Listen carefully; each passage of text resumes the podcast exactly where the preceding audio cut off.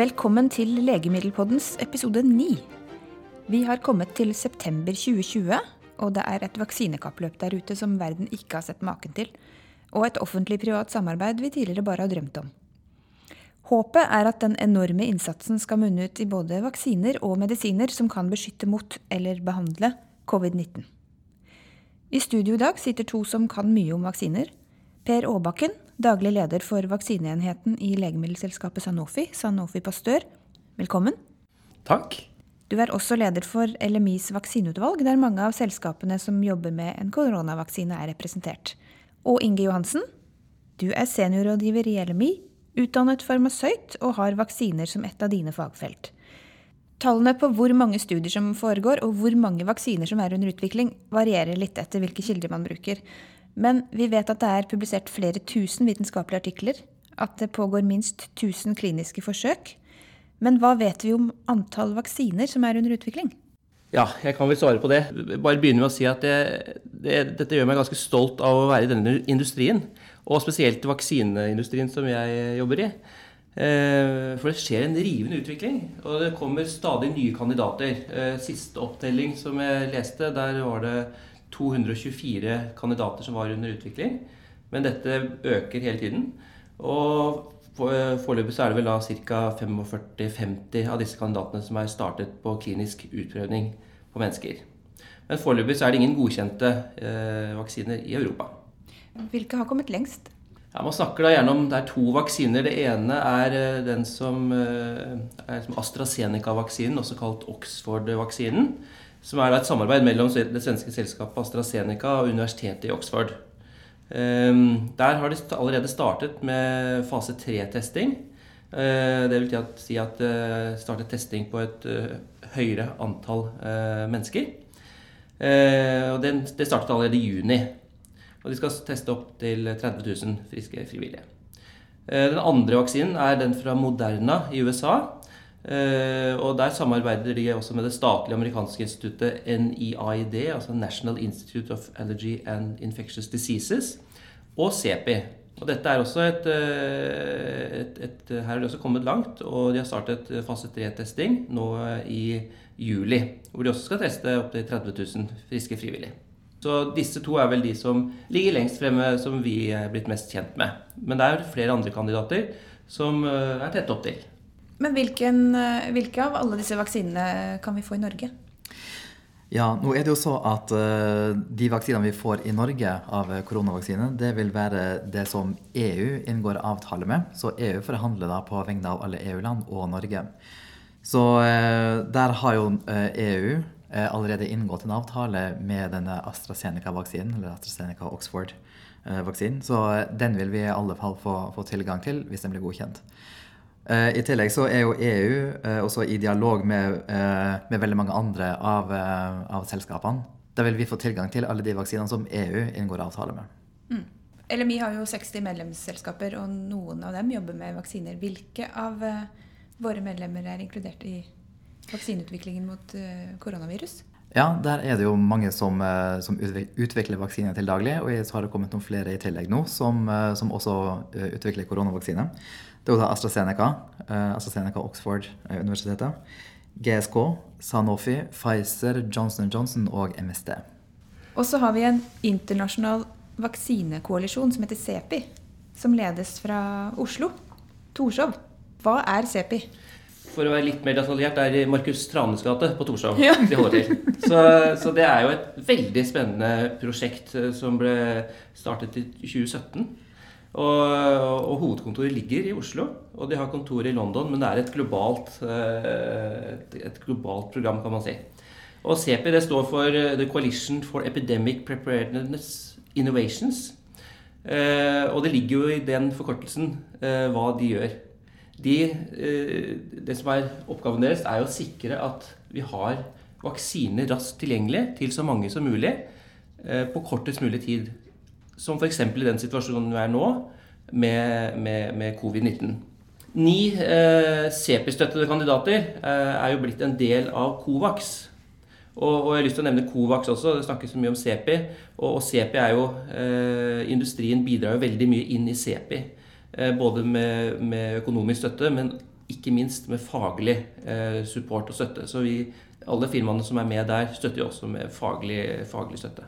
Og Covax. Covax det ble jo lansert av WHO og EU-kommisjonen og Frankrike litt eh, på våren. Og det som var hensikten med Covax, var jo at det skulle sikre rask og effektiv tilgang eh, til de som sluttet seg til denne alliansen. Og, og denne ledes av eh, Gavi og CEPI. Og skal som sagt da garantere rask og rettferdig global tilgang til covid-19-vaksiner. Ja, For det spørsmålet stiller mange seg. Hvem får den først, når den først kommer? Ja, og Norge er jo en del av, Norge er jo en del av denne alliansen. Eh, men her blir det WHO, antar jeg, som kommer til å gjøre en, eh, en allokering. Og hvem som skal få først, og hvilke land, det eh, har jeg ikke informasjon om enda. Og det tror jeg ikke de, noen har klarert enda heller. Mm. Men det vi har sett, er at det er noen land som har begynt å forhåndsbestille eh, vaksiner eh, gjennom Covax. Annet Norge. Det som er veldig spennende med Covax, og viktig med Covax, er at de fattige landene også får tilgang til, til legemidler. Der rike land kjøper vaksiner gjennom det samarbeidet, og da subsidierer de vaksinene som da eh, kjøpes, eller selges til, til fattige land. Så at eh, alle, alle skal få, få, tilgang til dette. Og I dag så er det jo eh, i overkant av 75 land med i alliansen, men det øker. Det blir flere og flere land. Og, og Covax har jo som mål å sikre to milliarder doser ved utgangen av 2021. Så det er et ganske hårete mål eh, når man ser på hvor vi ligger an i forhold til eh, utviklingen av vaksiner. Og prisen, hva blir den? Mange spør seg om prisen. Og jeg er ikke kjent med hva prisnivået vil ligge på. Men det jeg vet, er at Seth Berkley, som er administrerende direktør i Gavi, har jo sagt at uh, kanskje det blir liggende på rundt 40 dollar per dose, som tilsvarer rundt 360 norske kroner. Mens Røttingen tidligere leder av CEPI og deretter eh, Forskningsrådet, har jo anslått at prisen kan ligge ned mot eh, to, rundt to dollar. Altså i forhold til de kontraktene som er inngått allerede i Europa. Jeg kan igjen referere til Berkeley, som sa at sannheten er jo at ingen har en anelse om hva prisen kommer til å bli. Fordi vi ikke aner hvilke vaksiner som kommer til å fungere. Det som er sikkert, er at vi vil komme til å bli enige om en pris. Det er helt opplagt. Men det viktigste nå er jo å sikre Eh, vaksiner, trygge, effektive vaksiner eh, så raskt som mulig til så mange som mulig. Det er jo også veldig ulike typer vaksiner som er under utvikling. Fortell litt om de forskjellige typene. Jeg tror vi kan sortere de basert på hvordan denne viruspiggen produseres. Vi har jo alle sett denne, denne illustrasjonen av viruset. En kule, en, gjerne en grå kule med, med røde pigger på. Eh, og det er den røde piggen som er, som er litt viktig. Det er vårt immunsystem som eh, lager immunitet basert på, på, den piggen. Så vi må eh, presentere denne røde piggen, eh, dette overflateproteinet, til vårt immunsystem. Eh, og det er forskjellige måter å, eh, å gjøre det på. Den tradisjonelle måten som vi er, er kjent med nå, bl.a. med, med influensavirus, er at man dyrker opp virus utenfor kroppen, altså man dyrker det i hønseegg, eh, og, og lager en vaksine basert på det. Og der har vi flere typer av, av, av, av det igjen. Og du har hele virus som er inaktiverte. Du har virus som er eh, drept, som er døde. Men så har du også en del nye, nye typer av vaksiner. Du har DNA-vaksiner, RNA-vaksiner og virusvektorvaksiner, blant annet. Og det, det, som er nytt med de, det er at denne piggen produseres da i kroppen. Eh, alle proteiner som produseres i kroppen, er koda for i vårt DNA. Eh, det er på en måte oppskrifta for, eh, for, alle eh, proteiner som, eh, som fins i naturen. Som, som, som fins blant alt som er levende. og DNA DNA gjøres om til mRNA, altså messenger-RNA, som er på en måte en arbeidskopi av DNA-et. Og basert på det så vil kroppen lage eh, egne proteiner. Deriblant denne viruspiggen eh, og, og, alle andre proteiner som, som finnes i, i naturen. Eh, og det, det, dette med disse nye typene av vaksiner Man kan gi DNA, en DNA-vaksine, som da vil gjøres om til mRNA, som gjøres om til dette proteinet, og kroppen vil lage en immunrespons til den. Du kan også gi en, denne mRNA-en, altså arbeidskopien, injisere den, og kroppen vil lage en, denne viruspiggen uh, basert på det. Uh, og, og, til slutt så har du også virusvektor. Der har du eh, dette arvestoffet innpakka i et, et virus, eh, et ufarlig virus, som du injiserer. Denne virusinnpakkinga Du, ser, gjerne på det som en konvolutt som du leverer eh, DNA-et til, eh, til, til, kroppen, så at vi får, eh, får utvikla denne, denne viruspiggen. Så det er i, i, grove trekk de forskjellige måtene man kan eh, danne immunrespons mot et spesifikt protein. Er det mange vaksiner som lages på denne måten, eller er dette nytt? Eh, de her nye DNA, RNA og virusvektor, de de er nye. Altså har, det finnes ingen vaksiner til mennesker eh, ennå som, har, eh, som er laga på denne teknologien. Så det her, dette er helt ny teknologi. Helt nytt er det for så vidt ikke. Vi har, har DNA-vaksiner som brukes til, til fisk, bl.a., som er norskutviklet. Bare for å oppsummere, De forskjellige typene jeg snakker om, det var de som produseres i egg. Det er altså eh, levende svekkede virus døde virus. Og de som eh, injiseres og der, der, piggen produseres i kroppen, det er DNA-virus, mRNA-virus og viral vektorvaksiner. Og viruset vi snakker om da, det er koronaviruset? Det er korona, koronavirus, ja. ja. En, bare for å komme inn på det, En fordel med disse nye typene er jo at de, at de vil kunne gå mye raskere å produsere i store volum. Så i en pandemisituasjon f.eks. så vil det være, kunne være av stor betydning. Kan disse vaksinene produseres hvor som helst? Altså på hvilken som helst vaksinefabrikk? Nei, det kan de nok ikke.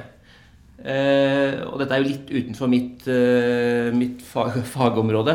Men eh, som Inge har fortalt oss, så finnes det mange ulike typer vaksiner. Og disse kan jo ikke eh, automatisk produseres på samme produksjonslinjer. Og en vaksinefabrikk blir jo ofte bygget opp for å skulle produsere en spesifikk vaksine. Så det å gjøre om en produksjonslinje til å produsere f.eks. en reisevaksine og gå over til en koronavaksine, vil være både tidkrevende og koste enorme ressurser. Og jeg vet ikke om det i hele tatt er mulig. Men jeg er helt sikker på at dette, de, dette eh, finner de en løsning på. Og igjen, når jeg hører at uh, man snakker om at Covax har mål om å levere to milliarder doser i 2020, utgangen av 2021, mm. så har noen tenkt på dette. Men at det er kostbart, tidkrevende, ja. At de må begynne å forberede det nå. Og også i hvilken grad vil dette på en måte kollidere litt med neste års sesonginfluensavaksineproduksjon for den, ja, eventuelt da for den sørlige halvkule, eventuelt nordlige halvkule. Så det er, det er mange spørsmålstegn her. Og, og, så kommer det ofte dette her med Ja, men kan vi ikke bygge en fabrikk selv? Eh, hva, hvorfor kan ikke Norge være selvforsynt med vaksiner?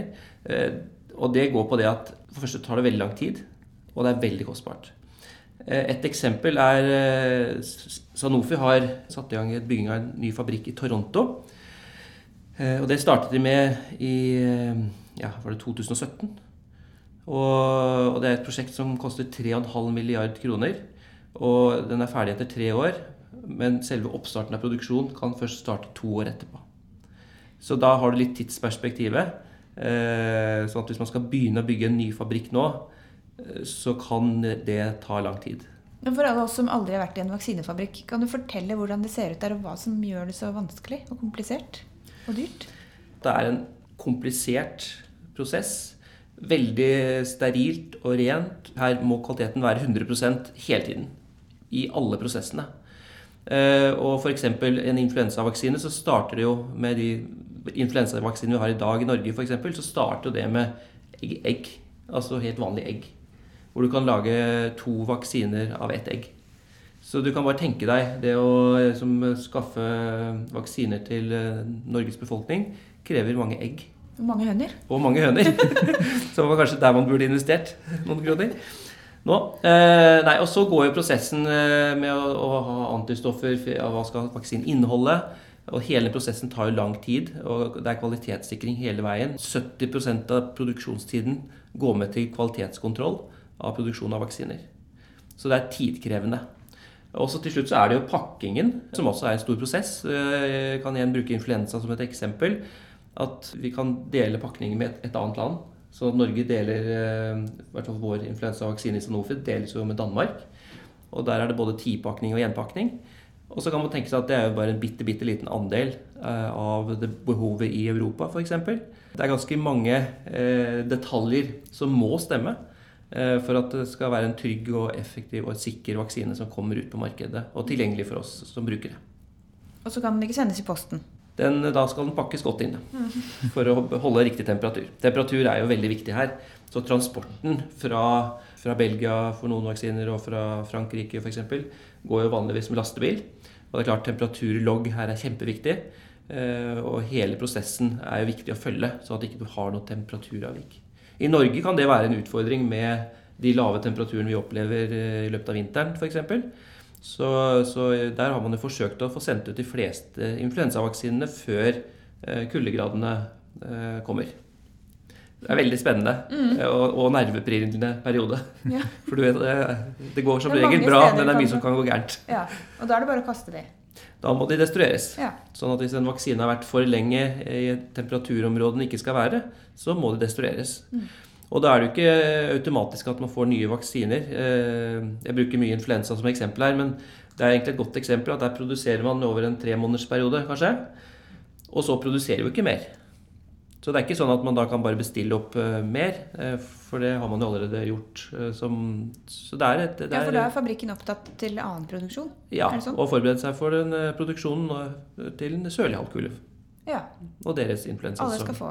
Alle skal få. Og det gjelder jo denne koronavaksinen også. Alle skal få. Og det er jo noen milliarder mennesker i verden. Hvordan ja. i all verden skal man klare å produsere så mange vaksiner? Det som er sikkert, er at uh, alle vil ikke få vaksine på en gang. Her vil det bli gjort en allokering og en prioritering både i forhold til uh, risikogrupper, befolkningen, uh, hvilke land osv. Men det er viktig, et mål er jo at alle skal få. Og jeg er helt sikker på at alle som har mulighet til å produsere, snur seg nå rundt for å forsøke å finne hvordan skal de kunne bidra til raskest mulig produksjon av et stort volum. Og Som et eksempel så er det nå et samarbeid mellom GSK og Sanofi og utvikla en vaksine. Og de har jo en mål om en årlig produksjon på 1 milliard doser. Så, så hvis det finnes flere av de, så vil man jo etter hvert i hvert fall Eh, kunne tilby alle eh, som har lyst på vaksine, eh, vaksinen. Men, men det vil ta tid. Men alle jobber så, så fort og hardt de kan. Men det viktigste her er jo å sikre at det er en, det er en sikker og trygg vaksine. At man ikke gjør noen kompromisser der. Og der var jo eh, de, ja, ni av de store eh, legemiddelfirmaene, de som har kommet lengst med vaksinen, det kom jo ut tirsdag denne uka. Eh, og og sa at de kommer ikke til å sende inn noe søknad om godkjenning med mindre det er eh, eh, god, solid vitenskapelig dokumentasjon for at eh, vaksinen er veldig trygg, og at den har en effekt. Bare for å være sikker på at, at det er ingen som kommer og prøver å politisk godkjenne en vaksine uten at det er noe hold i det. Og det som også gjøres nå, som er litt unikt, og som gjør at man kan komme raskere til At man skal kunne raskere få en vaksine ut til folket, er at man starter produksjonen av vaksiner nå. Mange gjør det, selv om man ikke har dokumentasjon og alt klart. Eh, eller deler av vaksinen. Sånn at eh, man er på en måte i gang og, og jobber parallelt. Og når du sier at dokumentasjon eh, ikke er klar, så er det altså dokumentasjon på om den har effekt eller ikke. Det er ikke dokumentasjon på kvalitet som, som mangler. Altså, man vet ikke helt om, om, den kommer til å bli godkjent eller ikke. Mm. AstraZeneca og Oxford-vaksinen f.eks. er jo nå satt på pause. Ja. Nettopp. Der er noen, eh, noen humper i veien. Der er det én person som har, eh, har, fått en bivirkning. Og man undersøker nå om det kan ha en sammenheng med vaksinen. Det er klart at Når man gjør en, en, eh, en, så stor studie med så mange mennesker, så er det noen som vil naturlig, uavhengig av vaksinen, også kunne få en, få en sykdom. Men nå undersøker man om det har noe med vaksinen å gjøre eller ikke. Og Jeg at det er jo, jeg ser på det som veldig positivt at de stopper den. Og det viser jo at de, tar, eh, at de setter sikkerheten i høysetet. Eh, og at de kommuniserer det ut, eh, skaper jo også trygghet om at de, de gjør nettopp det. At de, at de, setter sikkerheten veldig høyt. Vaksineutvikling og produksjon er rett og slett veldig synlig for allmennheten nå? Det er veldig synlig. Og det er bra. Og det kan jo gjøre at som Høie vel har vært ute og sagt, at det kan gjøre at vi får vaksinen litt senere til Norge enn det som vi tidligere hadde håpet på. Mm. mm. Ja, for det er det store spørsmålet alle lurer på. da. Når kommer en koronavaksine? Ja, det er et, eh, det er et veldig godt spørsmål. Eh, og vi blir spurt om det ofte. Eh, og noen har jo spekulert i at vi kan ha vaksiner allerede til jul. Mest sannsynlig så snakker vi nok andre halvår neste år og begynnelsen av 2022.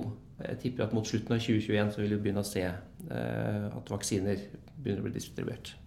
Men er det en risiko for at kappløpet også nasjoner imellom kan føre til at det kommer en dårlig vaksine på markedet?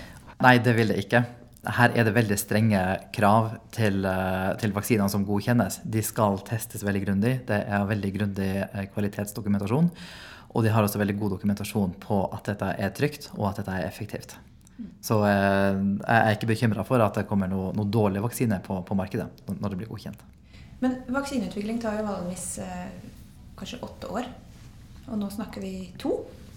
Hva er det som gjør at eh, de kan godkjennes tidlig nå? Ja, nå, Det går veldig fort nå med denne utviklinga. Eh, for det første så er det veldig eh, høy grad av samarbeid mellom firmaer, akademia og offentlige. Så alle jobber på natt og dag for å, for å komme i mål.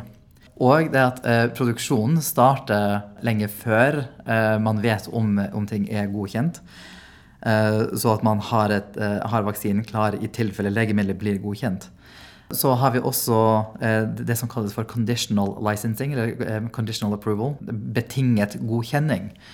Som gjør at du, du kan starte å bruke, en, bruke, legemiddelet før det får en endelig godkjenning, men man, man vet tilstrekkelig, man har tilstrekkelig data på at dette er trygt, og at det er sikkert, til at man kan begynne å bruke det tidlig.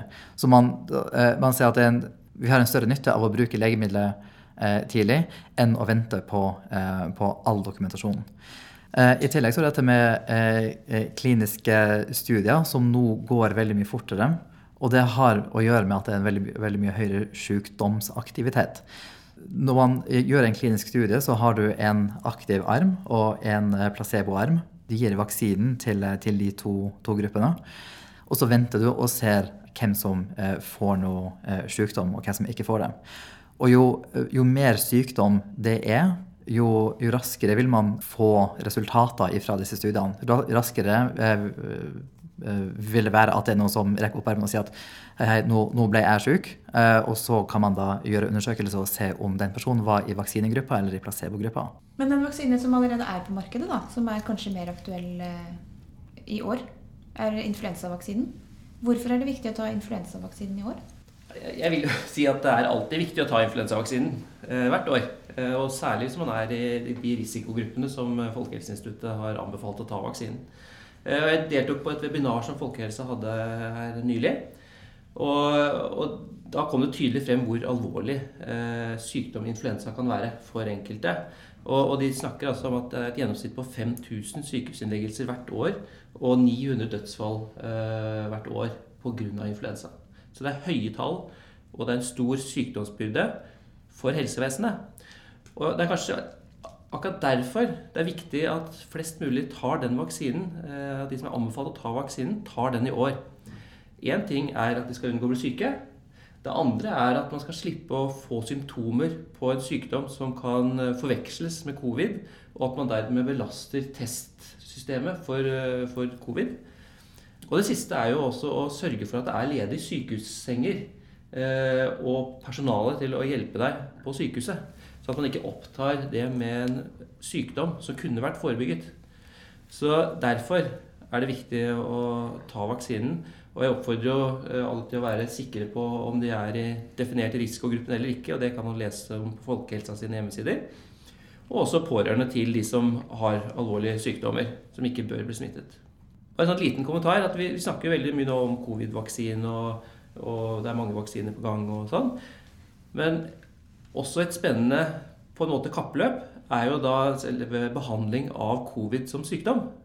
Eh, når du først har fått det. Og det er klart, her, eh, her, er det ulike medisiner som blir prøvd ut. Og noen eh, lykkes, kan det se ut som, og andre ikke. Så her er jeg helt sikker på at det vil my komme mye kunnskap og nyttige erfaringer etter hvert. Når det kommer noe, det vet jeg ikke. Men denne, denne diskusjonen får kanskje bli til en annen podkast. Men akkurat dette med, med, behandling det er også eh, veldig viktig eh, brikke for å på en måte løse hele denne covid-floka. Fordi hvis vi har en veldig god behandling eh, av covid, så er, ikke, så er, plutselig ikke sykdommen så farlig lenger eh, å, å, få. Så, det, så det, det, er et, det, er et, veldig viktig, eh, veldig viktig element, det også. Dette kalles jo et kappløp, men det kommer vel sannsynligvis til å bli flere vinnere? Ja, det, det, kalles et kappløp, og det er jo et kappløp. Vi som er med på dette kappløpet, jeg er helt sikker på at alle vi syns dette er veldig spennende. Og vi følger med veldig nøye hva vårt firma gjør.